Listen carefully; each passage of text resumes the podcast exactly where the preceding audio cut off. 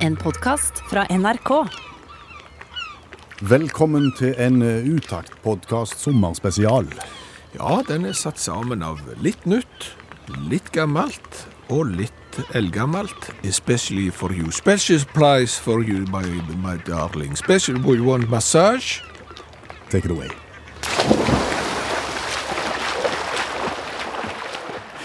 Første tema i dag. Hva tenker du? Jeg tenkte vi kunne starte med vareprøver som virker mot sin hensikt. Vareprøver som virker mot sin hensikt. Ja, fordi at det, det hender jo ofte at i blader for eksempel, så har de stukket inn en liten sjampoprøve eller noe tilsvarende. Er du på et apotek, så kan du få en liten sånn en pose med, med, med sjampo, og du kan få andre ting. Sånne små vareprøver som, som det. Og jeg tror det er ganske mange av de som virker mot sin hensikt. Hvorfor virker de mot sin hensikt? Nei, bare eksempelvis eh, så fikk jeg en, eh, en, en sjampotest her nå. En sånn en liten eh, pose. Den inneholdt en sjampo som skulle virke mot flass. Ja, Eh, ikke dumt. jo, Fordi Eh, Fordi at det, det er jo ikke sånn at hvis jeg vasker håret én gang, så, hadde eventuelt flassen forsvunnet. Hvis jeg fikk en vareprøve med, med en sjampo som virka mot uh, tørt hår, eller mot fett hår, eller hva det nå enn er, så det er ikke sånn at du vasker håret én gang, og så er det i orden. Nei. Og får du en tannkrem som skal gjøre tennene dine hvitere, så er det jo ikke sånn at du puster du tennene i to minutter, så er tennene dine så hvite som pianotangenter etterpå. De er jo ikke det. de er, en, de er en del av en kur, egentlig. ja, det er jo det. Det er jo en prosess. Og det er klart at Hvis du får en vareprøve med en sånn antiflass-sjampo, så ser du vet du hva, det virker jo ikke. Jeg gidder iallfall ikke bruke penger på den største skiten jeg har vært borti noen gang. Og, og da, da tenker jeg at det virker mot sin hensikt. Jeg tenkte bare ville gi beskjed til de som er voksne og bestemmer sånne vareprøver, at det må dere bare slutte med. Hvis ikke dere kan gi ut en hel sjampo sånn at du får fullført en kur, så kan du bare la være. Hovedproblemet med deg, syns jeg, det er å åpne de. Når du står i dusjen og vannet renner og du er våte på fingre og du er våt overalt, og så skal du åpne den der lille flapsen. Ja, eh, Hvis du hører på radioen og ikke helt ser for deg hvordan disse sjampoprøvene ofte er, er pakt, så ligner de litt på sånn som du blir servert eh, ketchup på fastfood-restaurant. Ja. En bitte, bitte liten konvolutt. Eh, jeg har vært borti det der problemet. Ja, det er ikke lett. Det er ikke lett, det, nei. Eh, Og så har du gjerne noe kroppssåpe på hendene i tillegg som gjør det enda glattere. Det du da ender med, Ja. det er jo at du tar og biter den av. Og, og, og og for å få tak, så må du jo trykke på selve sjampoposen. Og plutselig så kommer du igjennom. Og da får du hvite tenner, da. Vi har katt, og vi har hatt katt. Og vi har hytte. Ja. Og når du tar med katten da på hytta, så er det jo sånn at du kan ikke reise hjem før katten har kommet inn. Nei. Så da sitter du og venter på det, og så kommer han jo ikke. Og så må du på et eller annet tidspunkt reise hjem, fordi det er en dag i morgen, skolen begynner, og du skal på jobb og sånn, og så må du bare reise. Og da må han far reise opp igjen til hytta dagen etterpå og lete etter katten, og da kommer katten tuslende fram, og liksom, ja vel, her er jeg, som om ingenting har skjedd. Ja. Og det har skjedd mer enn en gang. Ja vel. Eh, Og jeg tipper eh, flere som har eh, katt eller kjæledyr har opplevd akkurat det samme. Det er jo ikke bare bare, for du kjenner det vel sikkert i magen når du reiser derifra? Ja, ja. Ja. Allmennlærer med to vekttall i musikk, Olav Hove. Du har svar på det vi ikke har svar på. Hva skal en gjøre når en kommer i den situasjonen at uh, du er på ferie, og så forsvinner katten? Ja, For det første så skal ikke du være så bekymra for at du mister den. og, og, og hvis de forsvinner, så kommer de som regel tilbake igjen. Dette her har blitt forska på. ASPCA heter selskapet, det er i USA. Da dr. Emily Weiss, sertifisert dyre, dyrebehaviorist Hva hekken det er for noe, det vet jeg ikke, men hun har sagt at eh, når de har forska på dyr som forsvinner på ferie, så er det forsvinnende få som forsvinner. Eh, og det som er mest overraskende, er at hvis de først forsvinner, så er det de utroligste historier om at dyr kommer til rette igjen. Det er liksom ikke måte på hvor langt vekk dyr kan forsvinne, men allikevel så kommer det til rette igjen. Ja, Hvor langt eh, kan de forsvinne for å likevel komme til rette? Ja, du har jo f.eks. Donny og Manny McElhinney fra Wisconsin, da. Eh, Ektepar som hadde katten Emily. Reiste på ferie fra Appleton i Wisconsin til ikke så langt, da de reiste en liten tur bare. Men ned til Lake Winnebago med, med campingbilen sin. Eh, installerte seg nede med, med vannet der og tok på seg grilldress. Fant fram engangsgrillen og virkelig koste seg. Og så fant Emily da katten ut at det skulle gå sin egen tur. Eh, Det Emily gjør, er at hun går inn på et sånn lokalt papirdistribusjonsfirma. Hopper oppi en container med sånn papirruller. Eh, Og når hun har ikke før gjort det, så blir den lukka, og så blir han sett på en semitrailer som kjører til Chicago. Høres ut som en Disney-film. Ja, ganske langt til Chicago, men der blir konteineren pakka om. Eh, altså Du tømmer konteineren opp i en større konteiner og kjørt med tog til Nova Scotia. Der blir han eh, tømt og ender opp enda større konteiner og tar cargoskip til Antwerpen. Før han så blir sett på om bord i en lastebåt til Pompeii i Frankrike, før han da blir pakka om inn i en semitrailer til Nancy i Frankrike, og enda opp i et, eh, i et firma der, da.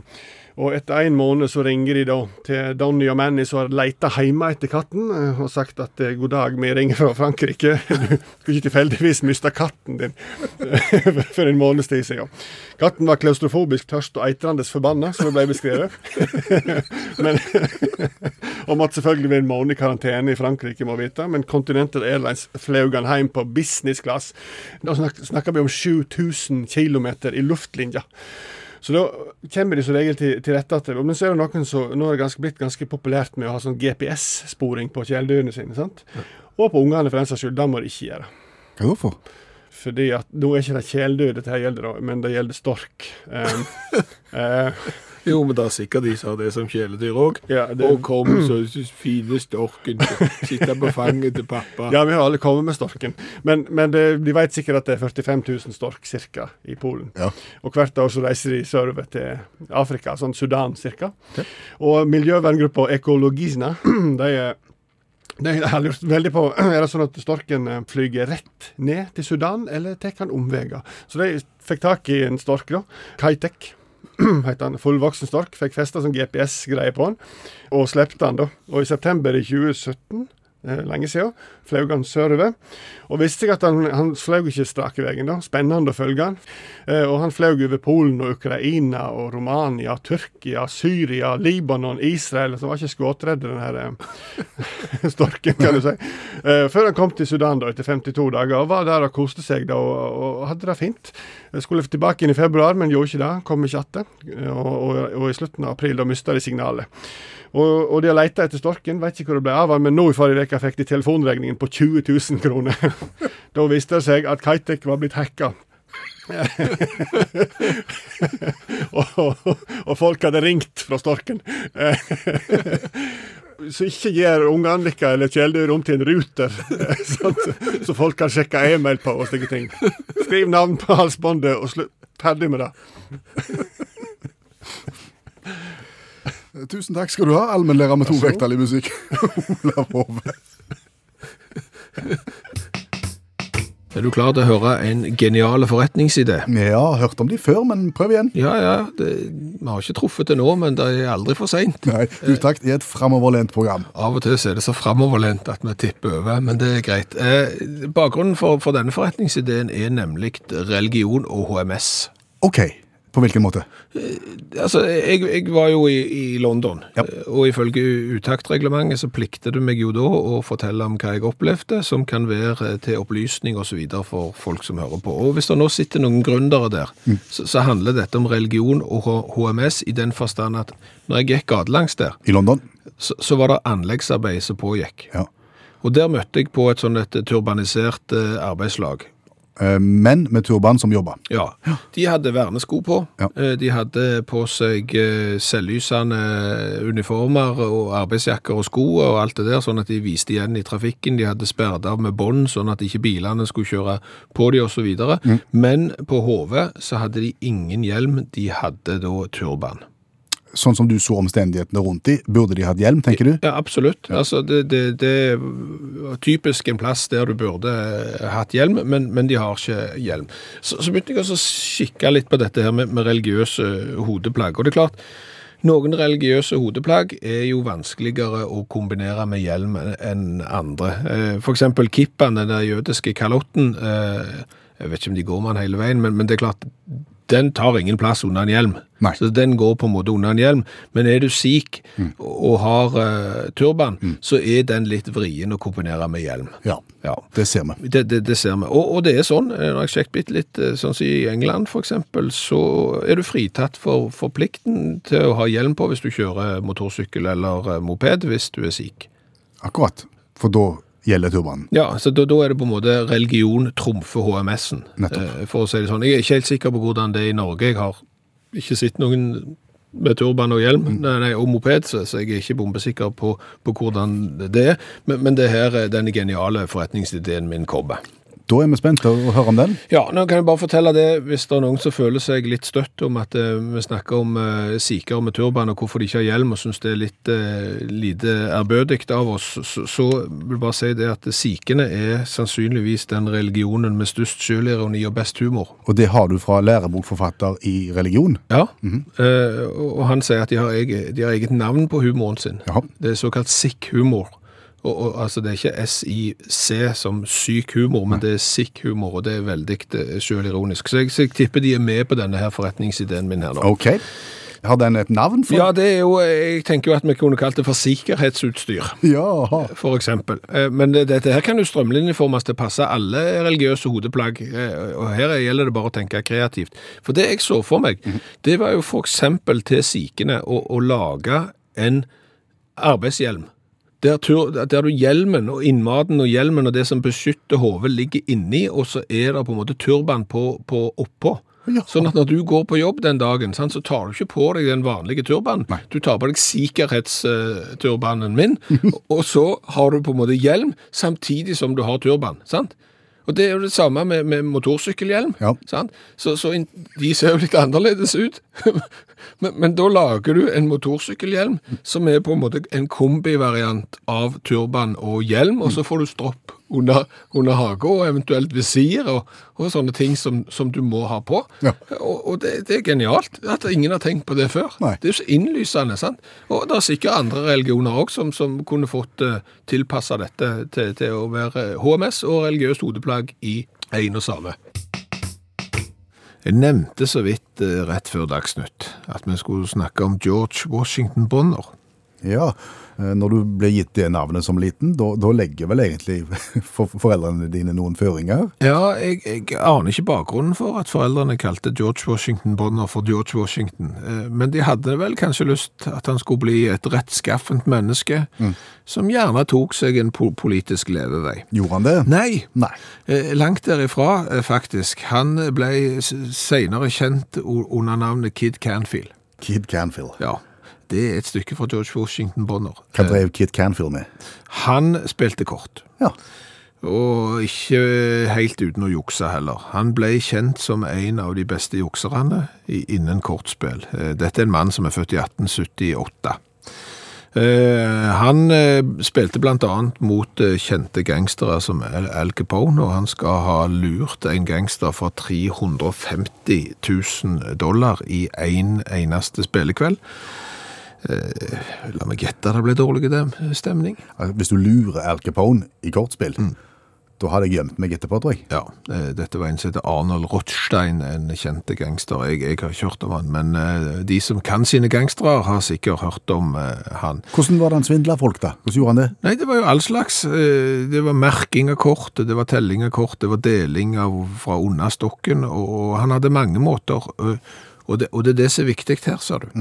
Fordi at uh, Canfield, eller George Washington, som jeg, synes er tøffere, han fant vel ut at jeg kan ikke fortsette sånn.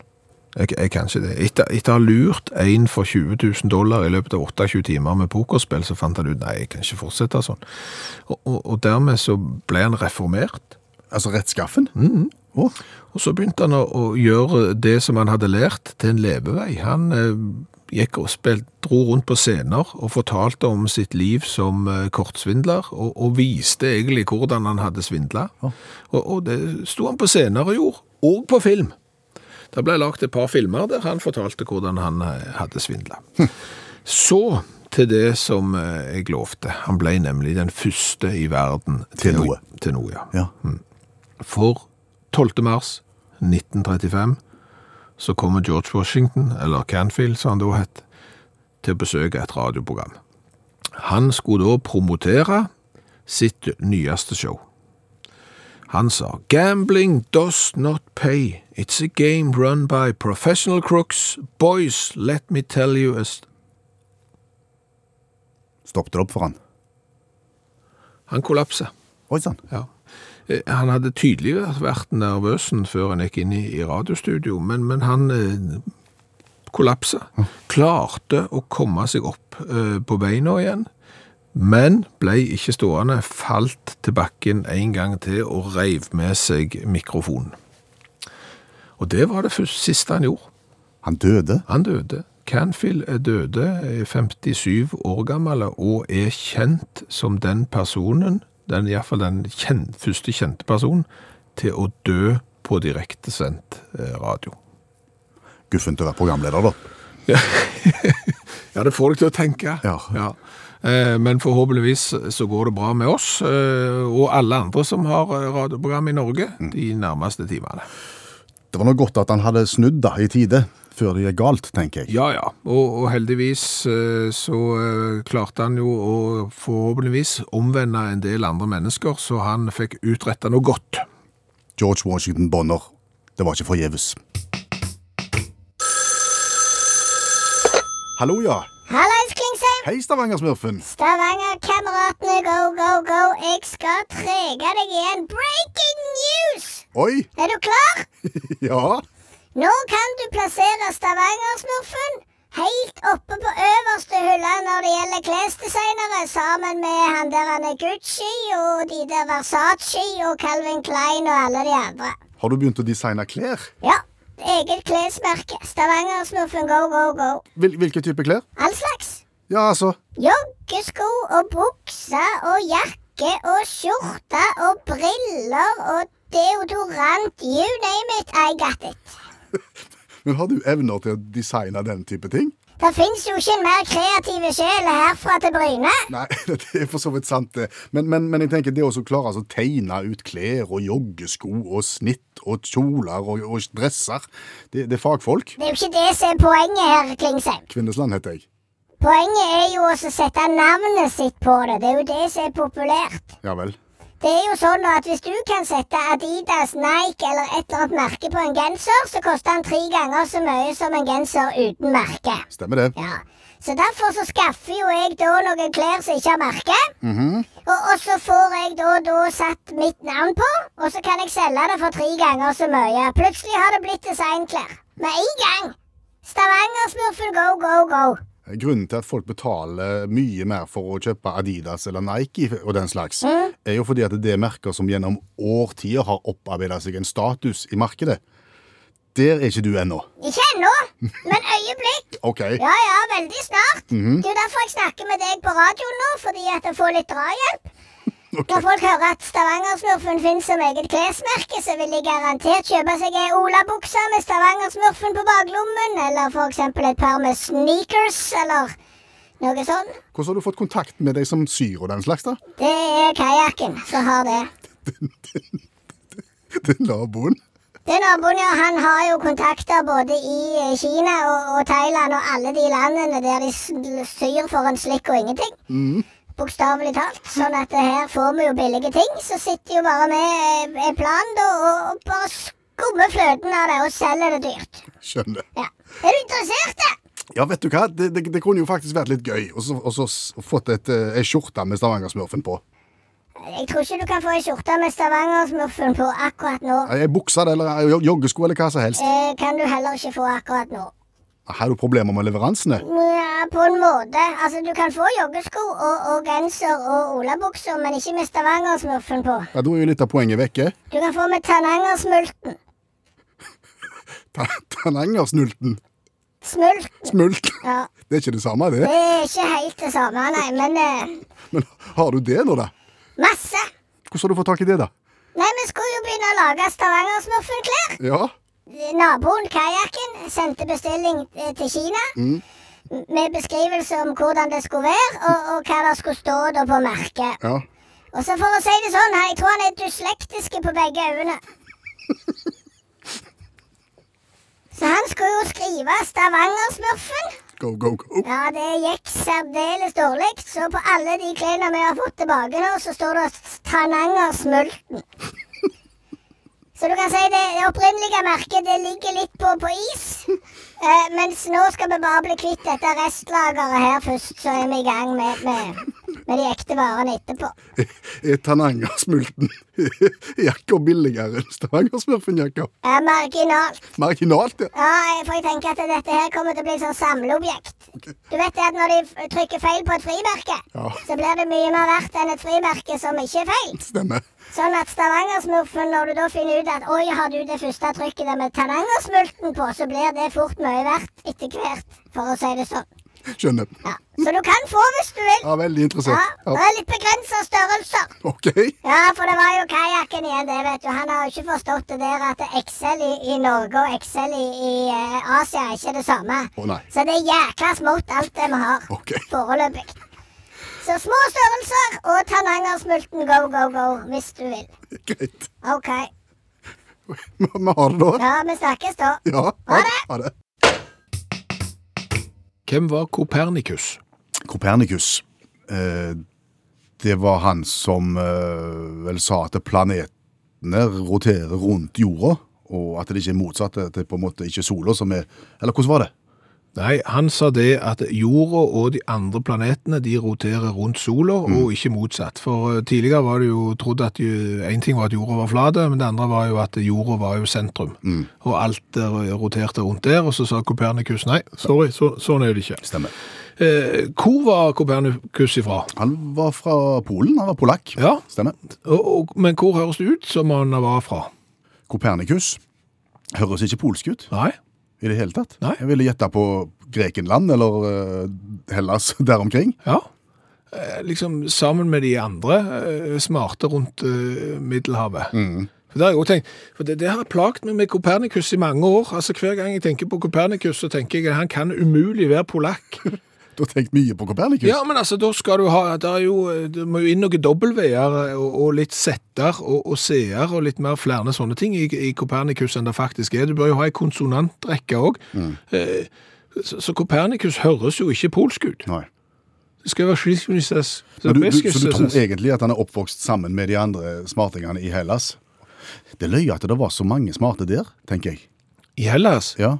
For å ta et lite sidespor. Jo, men Aristoteles og, og Sofokles og Sokrates og alle de andre assene og ussene Ja. eh, det, det er jo litt sånn Det er litt som den finske skolen, det. Altså, den finske skolen den kommer jo nesten alltid ut på topp når det er sånne tester, sånne PISA-tester. Så skal du teste hvor god du er i matematikk, og hvor god du er i, i å lese og sånn, sant? Og så kommer alltid Finland ut på topp. Og det er klart at det, da er det jo sånn at de ungene som har gått i den finske skolen, de blir flinke, og så når de er ferdige med den finske skolen, så blir jo de lærere. Og, og da blir jo de finske elevene, de får jo flinke lærere, for de var jo flinke. sant? Du ser at et det smitter- utrolig godt læringsmiljø Ja, er i, i sånn- gamle Hellas. Ja, ja, det er litt sånn søvn avle søvn. Ja, ok. Ja, men, men, men det må jo være et voldsomt forventningspress også, tenker jeg, å vokse opp der. Med sønnen til Platon og sånn. Ja, ja, det er klart det. Det, det er klart det, liksom, når de kikker bort du, det er han der, han er ungtasen til Sofokles der, han er en jekel på På matematikk. Sikkert, vet ikke hva det var. Men, men, men det er klart, jeg tror det. Jeg tror det er sånn at det, det, var, det var sånn det bare blei. Ok, Men Kopernikus var polakk. Det er ubestridelig. Ja, det er for så vidt ubestridelig, tror jeg. Faren antar de var polakk. Ok. Eh, Men, men, eh, men eh, Kopernikus er nok polakk, og, og, og nå kommer jo poenget her. Fordi at nå har vi snakket om de smarte rundt Middelhavet. Ja.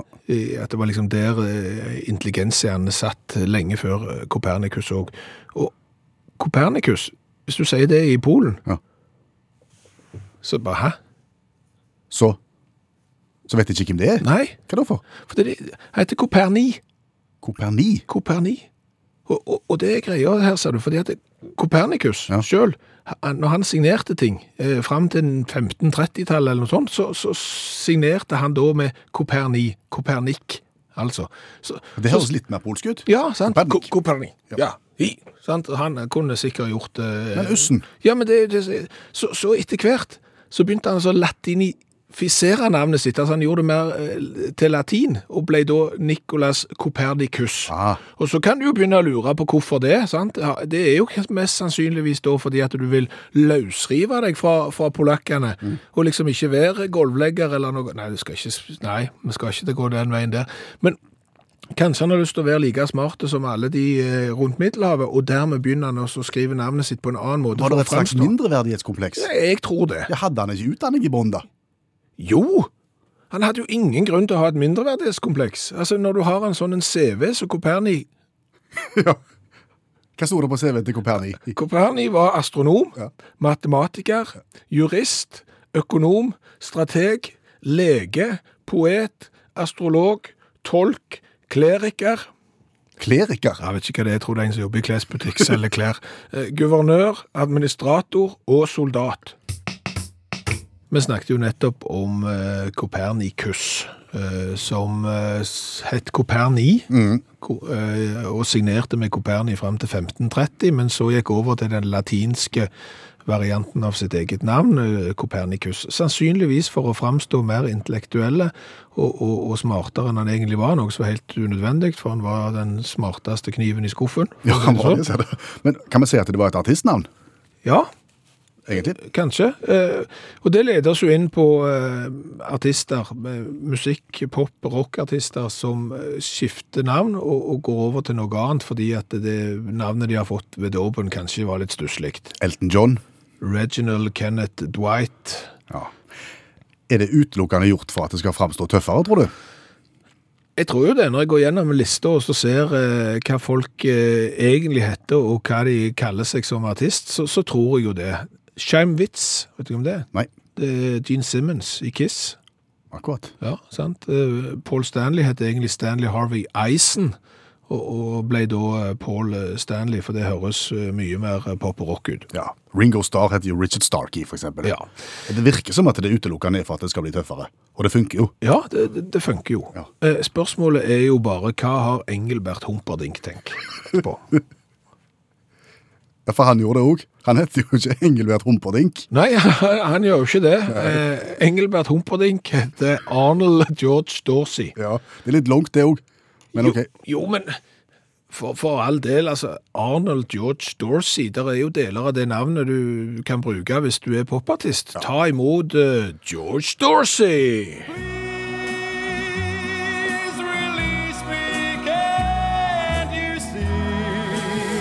Ja, mine damer og herrer, det var George Dorsey, det. Ja, Det hadde funka, det. det hadde funket kjempefint. så Jeg fatter ikke hva han har tenkt eh, når han da satte seg ned og liksom lurte på, vet du hva, jeg tror ikke George Dorsey eller Arnold Dorsey funker, jeg må finne på noe nytt. Eh, Eng, eng, engel... Jeg går for Humperdinck, tror jeg. Engelbert Humperdinck, ja.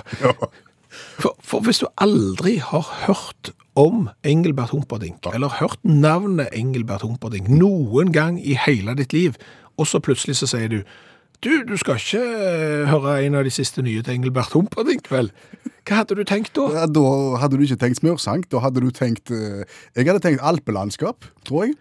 Jeg Løy, løy, løyen hua med fjør i. Ja, jeg, jeg hadde sett for meg sånn et, et tysk TV-program, sant? der bakgrunnen er Alpene. Og du, så, det er nesten så du bare ser Heidi og, og bestefaren i bakgrunnen. Sant? Og, og, så, og, så, og så kommer orkesteret inn. Det er jo utelukkende folk eh, som har skinnbuksa på seg, eh, og lapp i bagen, og spiller trompet.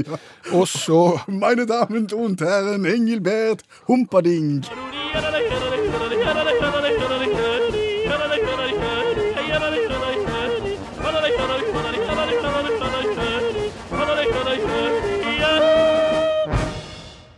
Hvor sterk er du på Mark Twain og Huckleberry, Finn? Altså, blant alle de eh, klassiske verkene der ute, så har du nå truffet på ett av de som jeg har vært igjennom. Har du, har du lest den? Ja. Jeg tror jeg har lest den, men det er en sånn Disney-versjon. Selvfølgelig. Eh, og, og dermed så har jeg vel gjerne ikke fått med meg alt. Nei, det tror jeg nok ikke. Eh, Det er en sterk bok. Okay. Veldig, veldig, veldig bra. Og det er den vi skal gå gjennom i dag i litteraturspalta vår, som heter Kjente bøker på fire minutter. Det er der Janne Stigen Drangsholt, professoren, kommer inn til oss og foredrar om verket på en sånn måte at du lærer og får lyst til å lese den.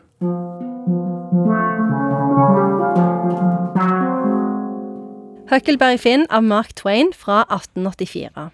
Huckleberry Finn har blitt adoptert av enkefru Douglas, men så blir han kidnappa av sin egen far. Han iscenesetter sin egen død og rømmer med slaven Jim nedover Mississippi. De prøver å nå nordstatene sånn at Jim kan bli fri, og på veien opplever de mye rart. Til slutt så blir Jim fri, faren til Huck dør, og Huck planlegger å dra vestover. Hvor kommer Tom Sawyer inn her? Tom Sawyer hjelper de på slutten. For det som er fint med Tom Sawyer, det er at han eh, Altså, den første boka handler jo aller mest om Tom Sawyer. Eh, men så kommer denne boka som handler om Huckleberry Finn. Så Tom Sawyer spiller en litt sånn eh, birolle i denne boka. Å ja, men da lærte jeg noe nytt. For jeg trodde hele veien det var Tom Sawyer og Huckleberry Finn. Ja, det er bare- den første boka. Ok, Mm. så dette er nummer to. Dette er nummer to, men det er den som er mest kjent. Og Hemingway, som vi jo har snakket om før i, i denne spalten, han sier at all amerikansk litteratur stammer fra en bok av Mark Twain som heter Huckleberry Finn. Så dette er liksom den, den boka som har grunnlagt amerikansk litteratur. Jeg ser for meg mennesker på en eller annen hjuldamper på Mississippi. Mm. Har jeg rett i det? Ja, du har rett i det. Og jeg tror det stammer gjerne litt fra Det gikk jo en sånn serie på NRK på søndagene om Huggelberg-Finn, og den, den har veldig mange sett. Eh, og der tror jeg det var en del hjuldampere. Men, men i den eh, Det er jo en annen amerikansk forfatter som heter Norman Mailer, og han har sagt at Mississippi er liksom den tredje hovedpersonen i denne boka. For det er jo den som gir de på en måte rømningsveien. For det er liksom, de er en slags sånn Det er sånn fristed, på en måte, den mektige elva, da. Men dette er liksom no bok nummer to. Eh, Bør du først lese bok nummer én her? Bør du lese om Tom Sawyer først for å få eh, full eh, valuta for Huckleberry Finn? Nei, jeg tror hvis, for, hvis det hadde blitt gitt ut i dag, så tror jeg de hadde kalt den en frittstående oppfølger. Er det ei barnebok? Nei, det er det ikke. Men det er eh, det, Han ble jo lest på barneskoler og sånne mm, steder. Men eh, som regel så blir han regna som en dannelsesroman, da. Og det vet vi jo er en sånn type roman hvor du følger en karakter som modnes underveis. Eh, og Huckleberry Finn han modnes underveis, særlig i det synet han har på Jim. For det, vi vet jo at slaver ble jo sett på som sånn ikke-mennesker i USA på den tida, selv om det var etter borgerkrigen. Men, men Huckleberry Finn han utvikler jo et veldig sånn eh, dypt vennskap med Jim, da. Sånn at det, du ser liksom en sånn Det er liksom forholdet mellom de som er spesielt fint å følge, da. Eh, Jeg har bare lest uh, Huckleberry Finn som en sånn Disney-bok som jeg uh, fikk når jeg var, var liten, så det var sånn vagt minne. Hvem er hvite, og hvem er svarte her? Det er uh, Huckleberry Finn er hvit, og Jim er svart. Og Tom Sawyer er hvit. Han er hvit. Ja. Mm. Så det er jo et veldig stort fokus på dette med, med slavenes situasjon i USA. Eh, og eh, Mark Twain har jo vært veldig viktig for å på en måte ta opp det, da. Mm. Er det på en måte en enighet om at Mark Twain er en av de største noensinne? Ja, han er det. Han er, eh, de, I USA så snakker de ofte om sånn The Great American Novel, eh, og, og alle er enige om at Mark Twain har Det er det han har skapt, liksom. Har du sett bilder av Mark Twain? Mm, han ser veldig tøff ut. Ja, har du sett hvor utrolig lik han er Edvard Grieg? Det er sant. Halvbroren? Jeg har sitat. Er noen som er interessert i det? Ble litt opphengt i Grieg her, men OK. Kom med sitatet. Hadde jeg visst at det var så mye bry og mas med å lage ei bok, ja, da hadde jeg ikke gjort det, og jeg skal ikke gjøre det mer. Sier Sier Økelberg Finn. Syns det er litt stress. Og så kan jeg ta et til? Ja. Ja. Folk som er dumme, de er alltid dumme. De vil ikke skjønne noe, og hvis du sier det til dem, så tror de deg ikke. Nei, for du skal være ganske smart for å vite hvor dum du er, faktisk. Nemlig. Ja, det jeg syns det var veldig fint. Den kjente jeg meg igjen i. Vil du eh, oppsummere Huckleberry Finn for oss? En dannelsesreise langs eh, Mississippi i episoder der eh, Huckleberry Finn får et nytt syn på livet og et nytt syn på mennesker som har en annen eh, hudfarge enn det han sjøl har. Og så må du huske det at i USA så sier de ikke 1001, 1002, 1003 når de kjører bak en bil. De sier one Mississippi, two Mississippi, three Mississippi. Og det har helt sikkert med denne boka å gjøre. Var det vakkert? Ja, det var nydelig. Vil du stave Mississippi for meg? Der er det to M-I-S-S-I, S-S-I, P-P-I. Tusen takk, Janne Stigen Drangsholt, forfatter og litteraturviter.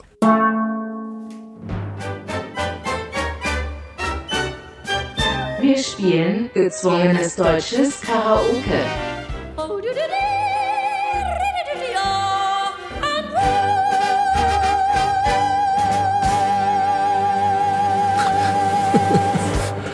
Og la oss nå gjenta da, hva er tvungen tysk karaoke? Det er at du rett og slett er nødt til å synge en sang du aldri har hørt før. Du får bare akkompagnementet, eh, og så er det bare å ture i gang og synge etter beste evne med tekst i hånd. På tysk. Ja, på tysk, og dermed så blir det jo òg en form for offentlig gapestokk. Eh, Jeg har en eh, liten perle til deg i, i dag, som jeg tenkte jeg skulle få, få presentere, men for at dette skal være riktig så gøy, ja. så er det nok kjekkest at de som hører på utakt, får lov å høre sangen eh, som du skal prøve deg på. Så hvis du bare går ut nå, bare gå ut døra. Sånn. Og det dere skal få høre er jo faktisk en nummer én-hit i Tyskland i 1973. Bernt Klyver med Der junge mit munn Mundharmonika. Eh, Bernt Klyver, som var en skikkelig smørsanger i Tyskland på 70-tallet, men som dessverre datt ned trappene sine i huset sitt på Mallorca på 90-tallet og eh, døde. Men her er altså sangen Per Øystein skal prøve seg på. Da var ein Traum, der so alt ist wie die Welt. Und wer ihn träumt, hört ihm zu, wenn er erzählt. Der Junge mit der Mundharmonika singt von dem, was einst geschah. Deine Einsamkeit entflieht. Da kan du komme inn igjen. Jeg liker ikke smilet ditt. Nei, men jeg, tror ikke det er så, så galt. Eh, Sangen du skal få synge er Der junge mitt er monharmonika' av Bernt Klyver. OK. Uh, ja, jeg kjenner jeg gruer meg. Da må vi ha bitte litt grann klang på. Hallo. Hallo. Hallo. Ja.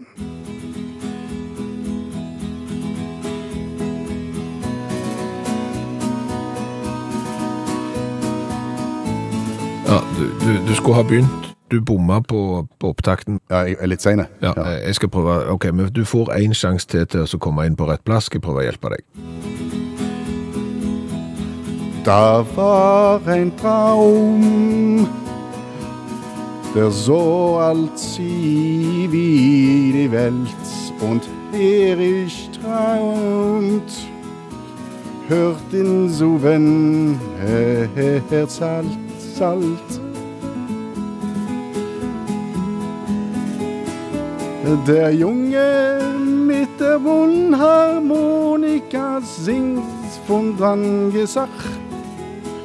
deiner Einsamkeit en entflieht.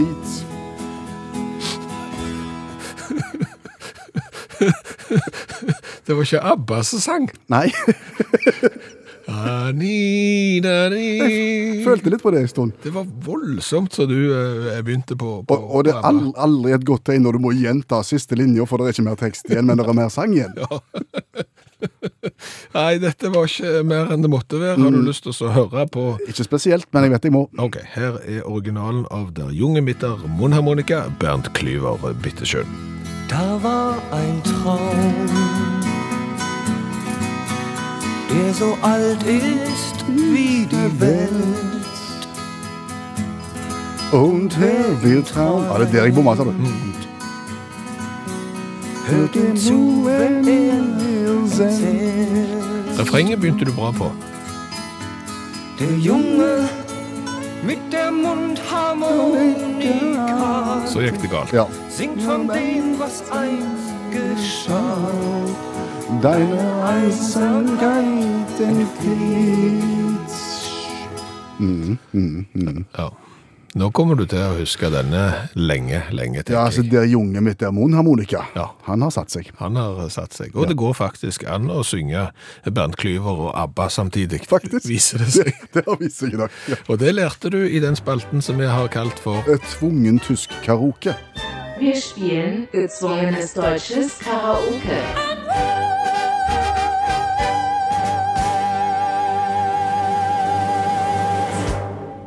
Du har hørt en podkast fra NRK. Hør flere podkaster og din NRK-kanal i appen NRK Radio.